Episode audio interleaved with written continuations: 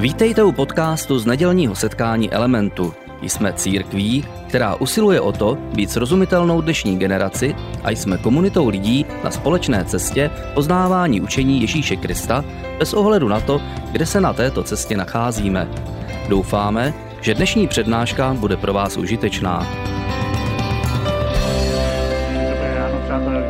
Také v Elementu. Jsem moc rád, že jste dorazili na tohleto speciální setkání, speciální, protože je první týden v říjnu, také proto, že máme Bleša, který po mé přednášce vám představíme, který děláme jednou za rok a myslím, že to je moc přímá věc, kdy můžeme podpořit nějakou charitu nebo misi, kterou Element dělá, ale také speciální proto, že pokračujeme v naší sérii, kterou jsme nazvali Dobrozvyky rozhodování. A my jsme v minulých dílech, jenom velice stručně řeknu, co jsme probírali. Probírali jsme to, že v každém životě a v každém okamžiku našeho života si uvědomujeme, že děláme různá rozhodnutí. Každý z nás dělá rozhodnutí. Vy jste dneska udělali rozhodnutí, udělali jste rozhodnutí, že jste přišli do církve, udělali jste rozhodnutí, že jste třeba přinesli hodně peněz, abyste utratili na blešáku, nebo naopak jste přinesli hodně věcí, abyste je prodali, nebo oboje. A udělali jste rozhodnutí, a, že a, že tady budete sedět a poslouchat. Je spousta různých životních situací. U většiny rozhodnutí je děláme bezmyšlenkovitě nebo je děláme, protože jsme si navykli, máme nějaký zvyk, máme nějaký dobrozvyk pro něco. A u mnoha jiných rozhodnutí musíme o toho přemýšlet, jsme na životních křižovatkách. A jedna z věcí, kterou si uvědomujeme u těch životních rozhodnutí, je, že životní rozhodnutí s náma často zůstávají na celý život. Proto jsou také životní rozhodnutí. Jsou to rozhodnutí, kdy stojíme na křižovatce, kde se rozhodneme nějakým směrem a rozhodneme se jít třeba do nějakého vztahu, rozhodneme se jít do nějaké země, rozhodneme se jít do nějakého zaměstnání, rozhodneme se třeba věřit v Boha, rozhodneme se uh, založit rodinu. Je spousta různých takových životních rozhodnutí, které uh, nás uh, ovlivní na celý život a jsou s námi na celý život. A my jsme si říkali, že pro ty rozhodnutí potřebujeme se naučit také různé návyky, které nám pomůžou nás udržet tím správným směrem, protože na té cestě našeho rozhodnutí jsme pohánění spoustou našich zvyklostí, které děláme. A mluvili jsme o takových mini zvicích nebo atomových návycích, kde děláme malé zvyky, které, ve kterých nemůžeme selhat, které vytvoří nějakou, nějaké mantinely pro naši cestu. A také jsme mluvili o tom, že pro tu naši cestu na rozhodování hrozně moc potřebujeme lidi okolo sebe, protože lidi k nám mluví a často si je Bůh používá, aby nás nasměroval správným směrem. A komunita, ve které jsme, lidi, se kterými se stýkáme, lidi, kterým nasloucháme, lidi, kteří nás ovlivňují a hrají ohromnou roli v našem životě, jak pro naše rozhodnutí, tak pro návyky, které si volíme ve svém životě. Naši lidé, kteří nás obklopují, nám pomůžou vytvořit zlozvyky, což je mnohem snadnější, než vytvořit dobrozvyky, a, ale také nám pomůžou si vytvořit a, spoustu těch malých návyků, které nás nakonec dovedou k těm velkým, a, takovým těm velkým kategoriím dobrozvyku, jako že máme, raději, máme lidi raději, nebo že jsme milosrdnější, nebo pokornější, nebo víc nasloucháme. To všechno ovlivňují lidé okolo nás a je extrémně důležité, kým se v našem životě obklopujeme. A pak je tady ještě jedna velice důležitá věc, kterou potřebujeme pro to, abychom se mohli pohnout správným směrem. A to je, abychom se podívali do sebe. Abychom se podívali do našeho vlastního nitra a podívali se na naše vlastní motivy, na naše vlastní strachy, na důvody, proč některé věci děláme, abychom se podívali dovnitř sami sebe. A to je velice důležité a na to se podíváme v, té, v tom dnešním díle. Budeme se dívat na to, jaké otázky podvědomně si klademe sami sobě, nebo možná bychom mohli říct, jaké otázky bychom měli klást sami sobě. Protože mnoho věcí nám objasní, když si položíme správné otázky. Myslím, že to byl John Maxwell, který před lety napsal knižku o otázkách a on té, té knižce říkal, že pokud chceme být opravdu úspěšnými lidmi, musíme se naučit klást správné otázky. Pokud eh, v životě to chceme někam dosáhnout a pokud v životě chceme eh, jít nějakým směrem a chceme dojít do nějaké destinace, musíme se naučit klást sami sobě i třeba jiným lidem, nebo musíme dovolit, aby jiní lidé nám kladli otázky, ale musíme se naučit klást si správné otázky, které nám pomůžou objasnit co je pro nás v zásadě v životě důležité, proč děláme věci, které děláme, kam směřujeme a spousta dalších okolností. Jinými slovy, ty otázky nám pomůžou definovat realitu jeden eh, odborník na vůdcovství, který byl, eh, byl obchodníkem před mnoha lety, napsal eh, knížku Leadership Jazz a v té knížce se jmenuje Max Depre. V té knížce on říká, že, že první zodpovědností vedoucího je definovat realitu, a tou poslední je říct děkuju a mezi tím ten vedoucí má sloužit lidem. Ale on vlastně říká, a mi se v tom výroku líbilo, že ta první věc, kterou člověk má udělat, pokud chce něco změnit ve společnosti, v životě, ve svém okolí, je definovat realitu. A to zní tak jako trochu technicky, ale znamená to, že se podíváme na to, jaká je realita, jaká je pravda, jaký jsme my a jaký je svět. Podíváme se na to, abychom, abychom si nelhali sami sobě, abychom definovali, co vlastně nás obklopuje, kdo jsme, kam směřujeme. A uh, znovu ten Maxwell pak na to reagoval a říkal, že odpovědi dostaneme pouze na otázky, které položíme. My totiž někdy v životě bychom chtěli slyšet jenom něco, ale na naše odpovědi dostaneme pouze na ty otázky, které položíme a proto je hrozně důležité, abychom se naučili nebo si vytvořili určitou praxi správných otázek. Abychom si vytvořili určitou praxi otázek, které spitují naše nitro a které nám ukazují, jestli rozhodnutí, které chceme udělat, je správné.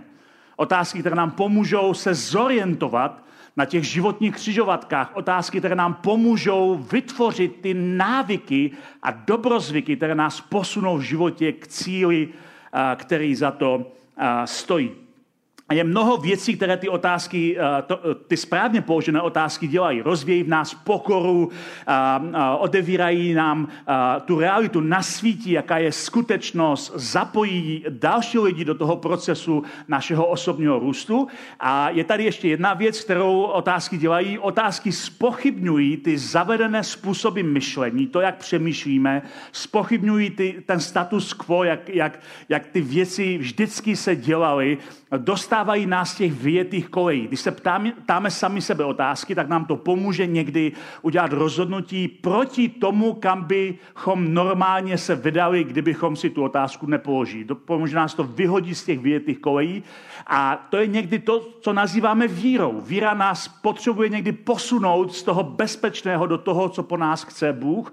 A o tom je mimochodem misie, o které mluvíme. Misie je o tom, že poslechneme Boha, abychom dovolili odejít z jistého a bezpečného do nejistého tam, kde nás Bůh chce mít. A to je jeden z důvodů, proč třeba děláme dneska ten plešák. Takže otázky mají ohromný vliv, na, na to, jaké dobrozvyky tvoříme, jaké rozhodnutí děláme.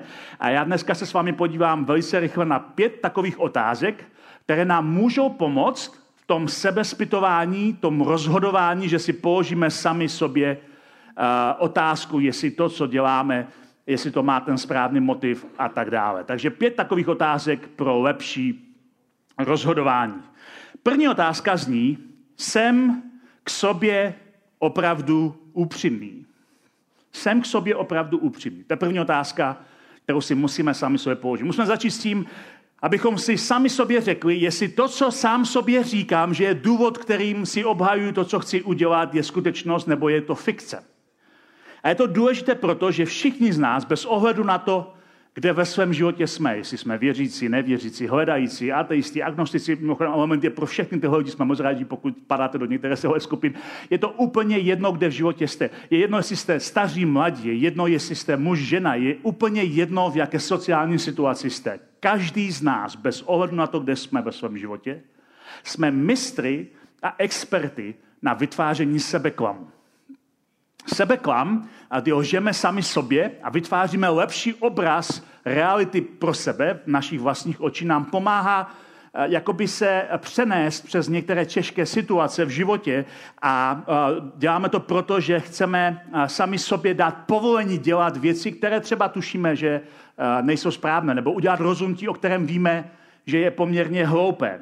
A odborně se tomu říká racionalizace. My si racionalizujeme to, jaká je realita, abychom byli schopni udělat rozhodnutí sami proti sobě. To je jeden z důvodů, proč lidé dělají rozhodnutí, které jim vlastně ubližují v dlouhodobém důsledku, protože si nalhali, že to bude dobré, že to určitě eh, dopadne lépe, že určitě to má lepší výsledek. A proto ta racionalizace funguje tak, že mixujeme pravdivé výroky nebo pravdivé skutečnosti s fikcí, kterou si vymyslíme jako legendu pro naše rozhodování.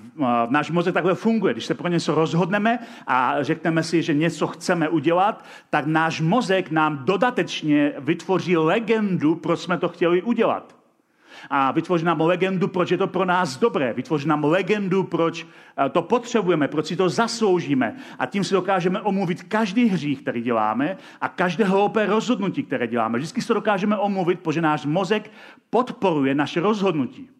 My se nejdřív pro něco rozhodneme, vědomě nebo podvědomě, a náš mozek vytvoří legendu, proč je to pro nás dobré. A proto je hrozně důležité, aby první otázka, kterou jsme si položili, je tahle ta otázka. Jsem k sobě upřímný? Je, je skutečně tohle ten opravdový důvod, protože okamžiku, kdy začneme sami sobě říkat pravé důvody, proč chceme něco udělat, nebo proč věříme některým věcem, když začneme být sami k sobě upřímní a začneme o sobě mluvit pravdu, tak uh, oslabíme moc lži. Když začneme používat ten, ten, takovou tu jednoduchou větu, kterou tady máte napsánou, a pravý důvod, proč je, tak oslabíme moc lži. Když řekneme pravý důvod, proč chci do toho vztahu, je, Pravý důvod, proč chci tuhle věc, je pravý důvod, proč chci někam jet, je pravý důvod, proč chci tohle zaměstnání, je pravý důvod, můžete se tam dosadit, jakékoliv rozhodování vás napadne.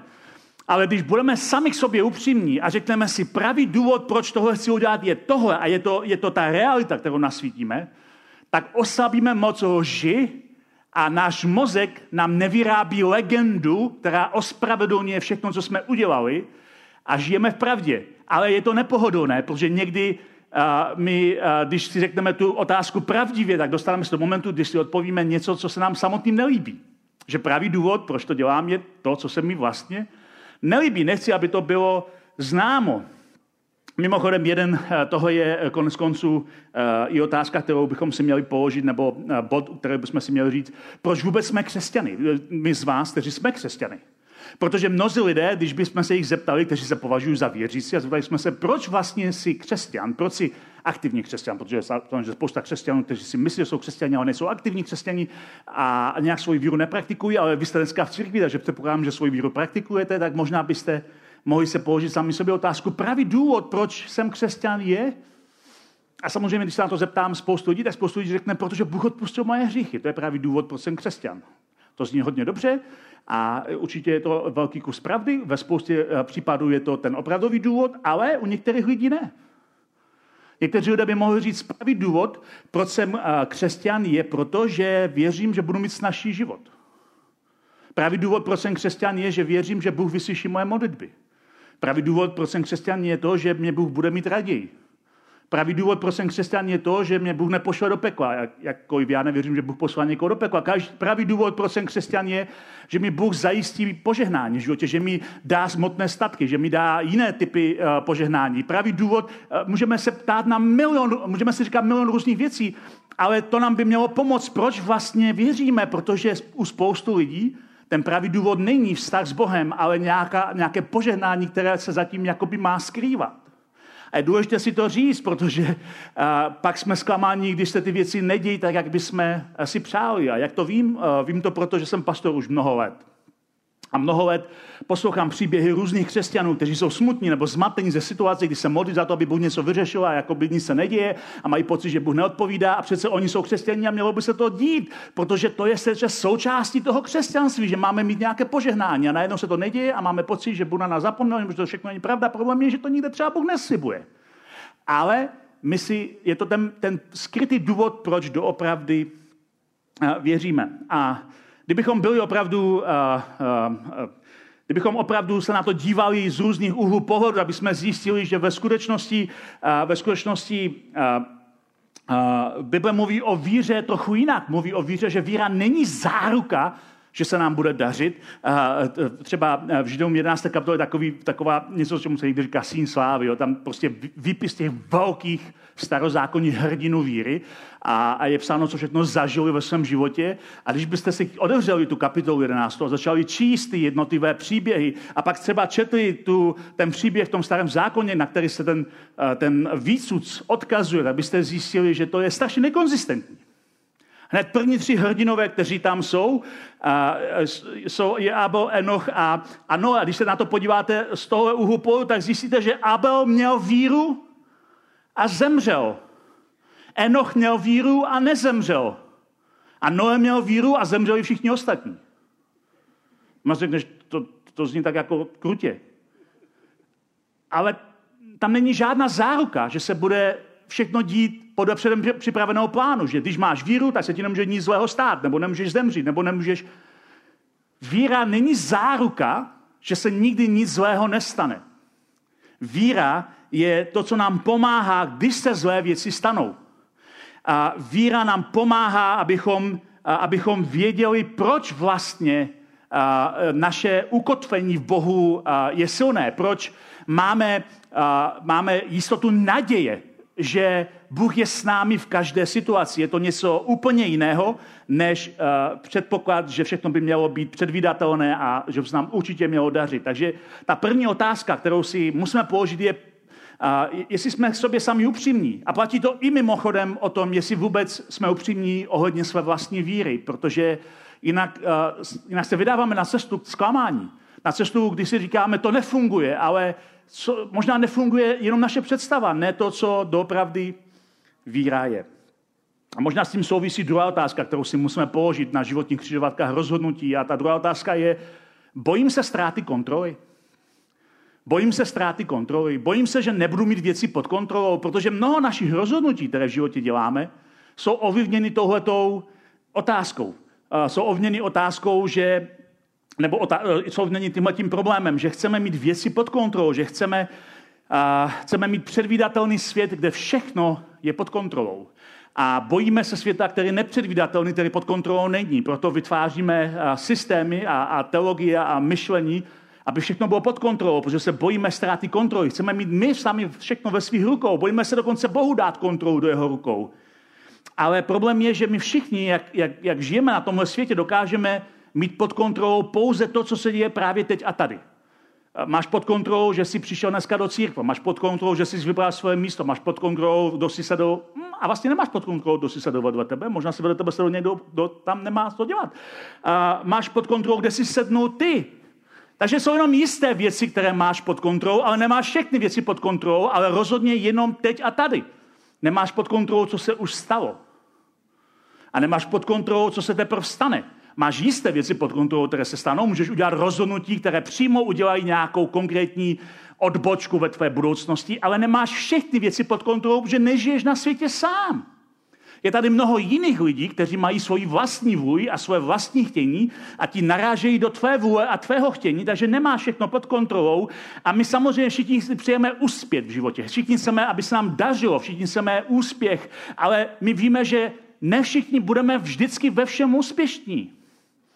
Každý tým sportovní nemůže vyhrát ligu, může vyhrát jenom jeden, ti ostatní prohrajou. Není to prostě možné, každý se neproslaví, každý nezíská vysněný kontrakt a každý nezíská vysněnou ženu. Nebo muže. Nebo dostanete si, co chcete. Každý nedostane to, co chce. My chceme, ale ne vždycky dostaneme to, co chceme. A křesťané někdy v tomto okamžiku přistupují k něčemu, eh, co bychom my mohli nazvat jako manipulace Bohem.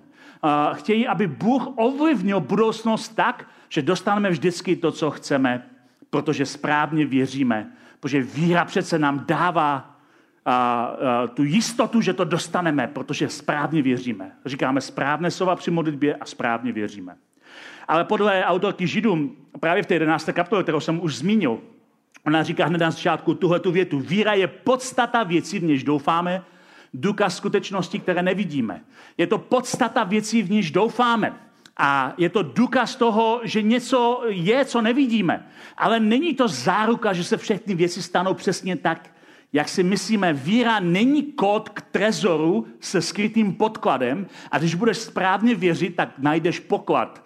A tohle není víra. Víra je, ani to není způsob, jak přinutit Boha, aby udělal to, co chceš. Víra je naděje, která zašla o krok dál. Je to, je to spolehnutí se na, na to, že Bůh tě má rád a že mluví pravdu. Jinými slovy, víra je důvěra, že Bůh nás má rád a že je pravdomluvný.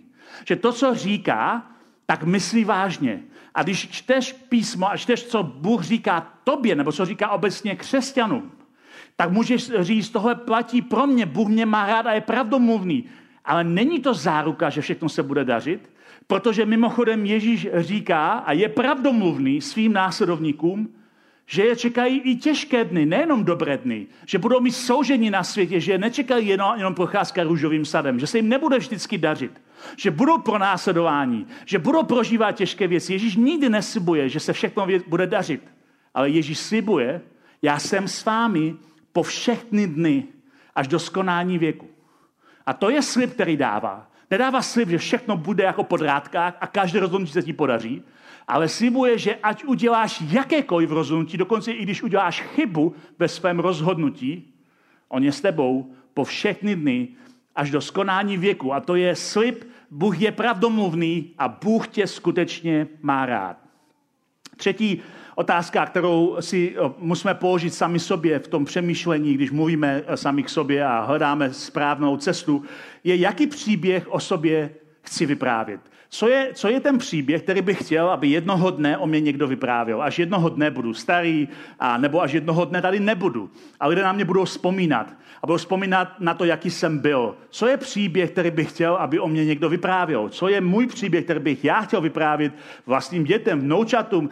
Co je příběh, který bych se nebál napsat do knihy, která popisuje můj životopis? Co je můj příběh, který bych chtěl, aby byl známý? Co je ten příběh. A to je eh, otázka, která nám by měla pomoct udělat rozhodnutí ve svém životě. Je, hodně to záleží, jak vnímáme život, jak vnímáme Boha, jak vnímáme sami sebe.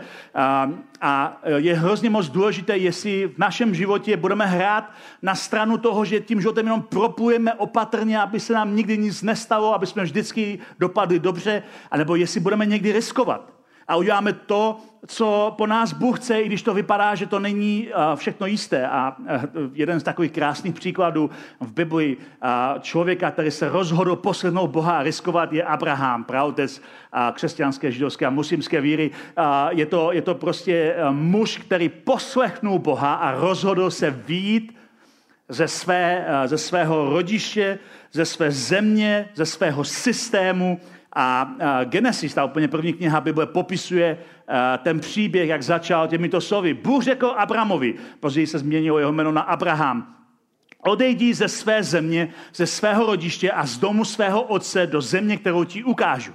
Bůh mu říká, běž, poslechni mě a běž pryč ale běž někam, kde ještě ti neřeknu přesně kam. Já ti to teprve ukážu, až když se pohneš. Je to země, kterou ti ukážu, až když se vydáš na cestu. A po cestě tě učiním velkým národem, požehnám tě, učiním velké tvé jméno, staň se požehnání, požehnám těm, kdo žehnají tobě, proklej ty, kdo ti zlořečí, v tobě dojdou požehnání veškeré tě ledí země. Je takový slib, Bůh říká, já budu s tebou, já tě požehnám, ale potřebuješ vít. Potřebuješ žít a jít do neznáma. Neříkám ti přesně, kde Abraham by mohl říct, počkej Bože, tady jako mám otázku na tebe, kam přesně mám jít? Kterým směrem mám jít? Mám jít na sever, na jih? A, a, a, Abraham žije v Uru, v Mezopotámii. Mám jít na sever, na jih, na východ, na západ. Kam přesně mám jít? Co je ta cesta? Co je ten cíl? Kam přesně mám jít? A Bůh mu neříká žádné podrobnosti. Je to skoro jako by Bůh mu řekl, hm, neřeknu ti, prostě vydej se na cestu a já ti ukážu tu zemi, kam máš žít, až te vydáš na cestu, až vyjdeš ze svého rodiště, až vyjdeš z toho, kde jsi byl. A Abraham je, je v kultuře Sumeru, který která má eh, jako, jako, jako celou mentalitu to, čemu se říkalo kolo života se středem smrti. Tak se tomu říkalo. A to kolo života znamená, že všechno se furt opakuje. Že se neustále věci opakují. Nic na světě není nového. Všechno se opakuje a všechno to drží pohromadě. Střed smrti. Každý člověk jednoho dne zemře. Jako jednotlivci jsme eh, bezvýznamní. Svět se točí a my jsme jenom součástí velkého vesmírného soukolí a, a jsme součástí toho vesmírného dramatu Bohu a my nic jako lidé neznamenáme. A z tohle prostředí bezvýznamnosti a naprostého soukolí života ze středem smrti Bůh povolává Abrahama, aby vyšel do země, kterou mu dá a aby stvořil lineární dějiny. A někteří historikové, jako to, třeba Thomas Cahill, říkají, že to, eh, to, ta věta, která je v, tom, v té pasáži, eh, která v hebreštině je Avram, Abraham vyšel, je nej, je, že to jsou nejsmělejší slova ve starověké literatuře. Protože od toho momentu lidé neustále někam jdou, neustále mají nějaké cíle, vytvářejí si uh, konkrétní cesty, to začalo Abrahamem a je to, je to moment, kdy se dějiny staly lineární s počátkem a koncem, kdy kolo života přestalo ztrácet na významu a začalo být důležité, kam v životě jdeme. A proto je naše důležitá otázka, jsme odvážní poslechnout Boha? Jaký příběh chceme o sobě vyprávět? Chceme o sobě vyprávět, uh, slyšet o sobě příběh, že jsme byli ti, kteří poslechli a vyšli odvážně do neznáma, do nejistoty, anebo ti, kteří vždycky to fidlali, aby jsme hlavně zůstali v bezpečí a nikdy se nám nic nestalo. A právě proto, že ta budoucnost je nejistá, právě proto, že není jisté, kam nás dovede, právě proto potřebujeme víru. Vzhledem k tomu, že všechno je možné a budoucnost je otevřená, víra je možná a dokonce nezbytná. Každý z nás potřebuje víru právě proto. Protože to cyklické náboženství kola nevede nikam konkrétně. Je to náboženství, které nás točí v kruhu. Ty jsme jenom prostě maličkou součástkou velkého vesmíru, ale pokud čas je skutečně jednosměrný a má svůj počátek a konec, pak znamená, že ty máš v životě cíle a potřebuješ tomu víru, potřebuješ tomu naději, potřebuješ tomu odvahu, potřebuješ vít ze svého rodiště do země, kterou ti Bůh ukáže. Čtvrtou otázkou, kterou si musíme sami sobě klást, je, jsem připraven naslouchat. Jsem připraven naslouchat.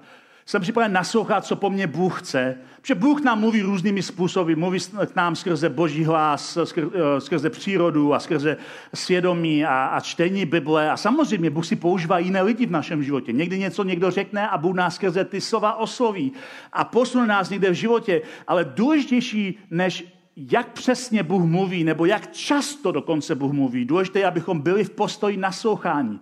Jsem připraven naslouchat jsem připraven naslouchat. Důležitější než způsob, jak Bůh přesně mluví, je to, že jsme v tom postoji naslouchání. A někdy to nejlepší, co pro, pro hledání Boží vůle můžeš udělat, je zeptat se správných lidí. A, a zeptat se lidí, kteří, a, kteří ti přejou, kteří jsou na tvé straně, ale zároveň ti řeknou pravdu. Lidí, kteří tě posunou v životě dál. A lidí, kteří ti ukážou, co je skutečně moudré a co není moudré. A to je naše pátá poslední otázka. Naše pátá otázka, kterou si musíme položit sami sobě, je to moudré? Je to moudré. Nikdo nestupuje do života s cílem si pokazit život. A nikdo nedělá rozhodnutí, které dopředu uh, ví, že budou hloupá. Ale přesto děláme hloupá rozhodnutí. Protože hledáme často tu nejsnadnější a nejlepší a nejlehčí cestu ale málo kdo vstupuje do života s cílem dělat moudrá rozhodnutí a my bychom měli přemýšlet, co vlastně je moudré ve světle toho, jak žijeme, ve světle, jaké jsme situaci, co je vlastně moudré. A když se podíváme do písma, tak zjistíme, že nás křesťanští i židovští autoři neustále volají k životu v moudrosti, že moudrost je takové vysoce frekventované téma, kdy nás pozbuzuje, abychom, kdy nás pozbuzují ty, ty místa, abychom byli skutečně moudrými lidmi, kteří, kteří se snaží hledat to, co je správné v tom okamžiku na té cestě našeho života. A proto bychom se měli naučit naslouchat hlasu moudrosti. A pošto Pavel třeba píše v jedné pasáži v jednom ze svých dopisů, říká, pečlivě dbejte na to, jak žijete, nechovejte se jako hlupáci, ale jako moudří lidé.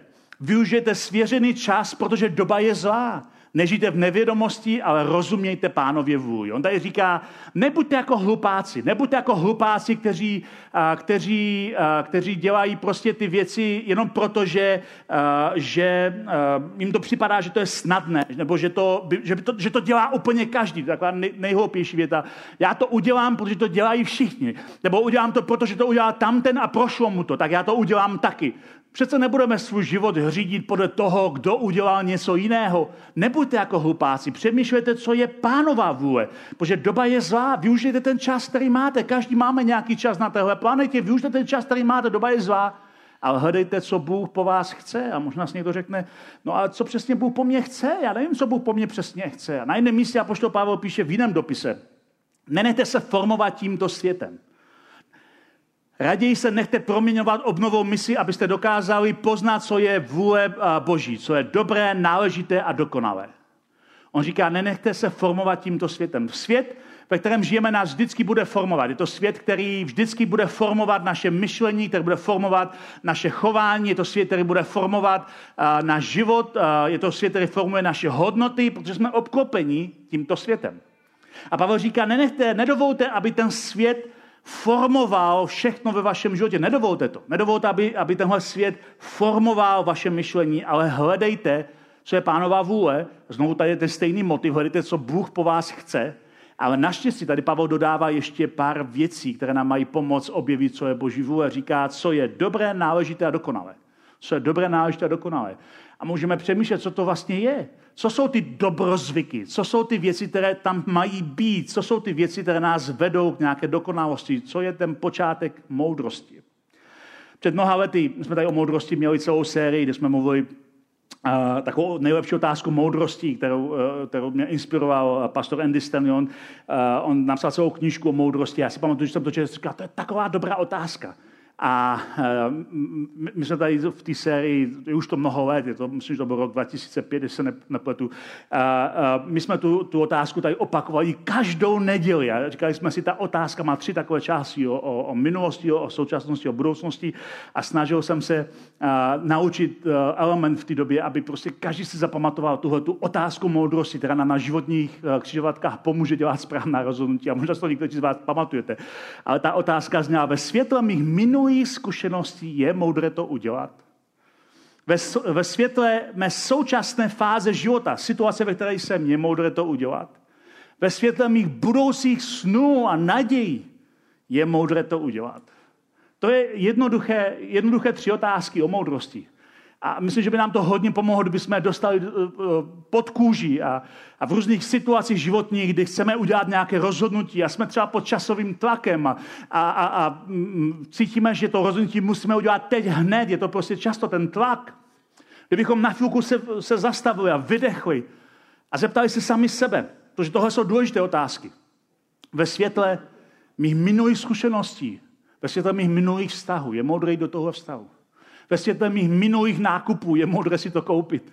Ve světle mých minulých rozhodnutí je modré to udělat. Ve světle mé současné situace, ve, so, ve, světle, ve světle situace mého současného konta je modré si to koupit. Ve světle uh, mé uh, vztahové situace je moudré do toho jít. Ve svět, eh, rozumíte mi, je to, je to otázka, která se aplikovat na jakoukoliv otázku. Ve světle mých budoucích snů a nadějí, co bych jednou chtěl, nechtěl dokázat, kam bych chtěl dojít, je moudré do toho jít, je moudré si to koupit, je moudré to udělat. Tahle ta otázka nám hrozně pomůže. Já si pamatuju, že když jsme o tom takhle vyučovali v tom roce 2005 eh, celou sérii, eh, pak, tak po konci té série jsem s Ditou byl někde v supermarketu. A, a jeli jsme s vozíkem, nakoupili jsme plný, plný vozík potravin a potkali jsme jednoho člena Elementu v tom, tom supermarketu. Radice malé město, potkáváme se docela často, že jo? Takže jsme jeli a najednou, najednou jsme potkali nějakého člena v tom supermarketu a on se podíval do toho našeho košíku. A řekl, ve světle vaší minulé situace a vaší současné situace a vašich budoucích snů a nadějí je moudré si to koupit. A my jsme se smáli, říkali jsme si, to je dobrý joke, ale já jsem byl hrozně rád, že tahle otázka v tom člověku zapustila kořeny. A kež by zapustila kořeny v každém z nás, když se ptáme sami sebe, co je moudré udělat. A myslím si, že můžete najít další otázky, které si můžete klást sami sobě, ale těchto pět otázek je dobrým startem pro naše rozhodování a pro vytváření dobrozvyků. Jaký, eh, jsem k sobě opravdu upřímný? To je první otázka. Jsem k sobě opravdu upřímný? Bojím se ztráty kontroly? Je moje rozhodnutí motivováno strachem z kontroly?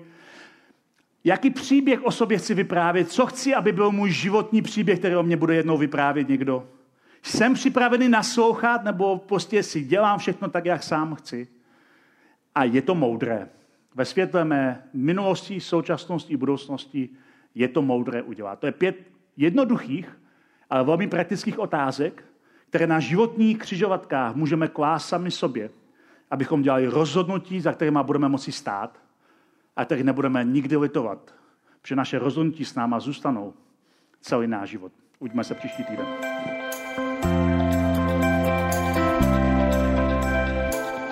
Děkujeme za poslech přednášky z nedělního setkání Elementu. Budeme rádi, když nás navštívíte také naživo, a to každou neděli od 10 hodin ráno v kině Biocentrál v Hradci Králové. Být na místě přináší větší zážitek, výbornou hudbu a přátelskou atmosféru. Více informací o našich aktivitách najdete na webu element.cx nebo na Facebooku Element Hradec. Těšíme se na vás.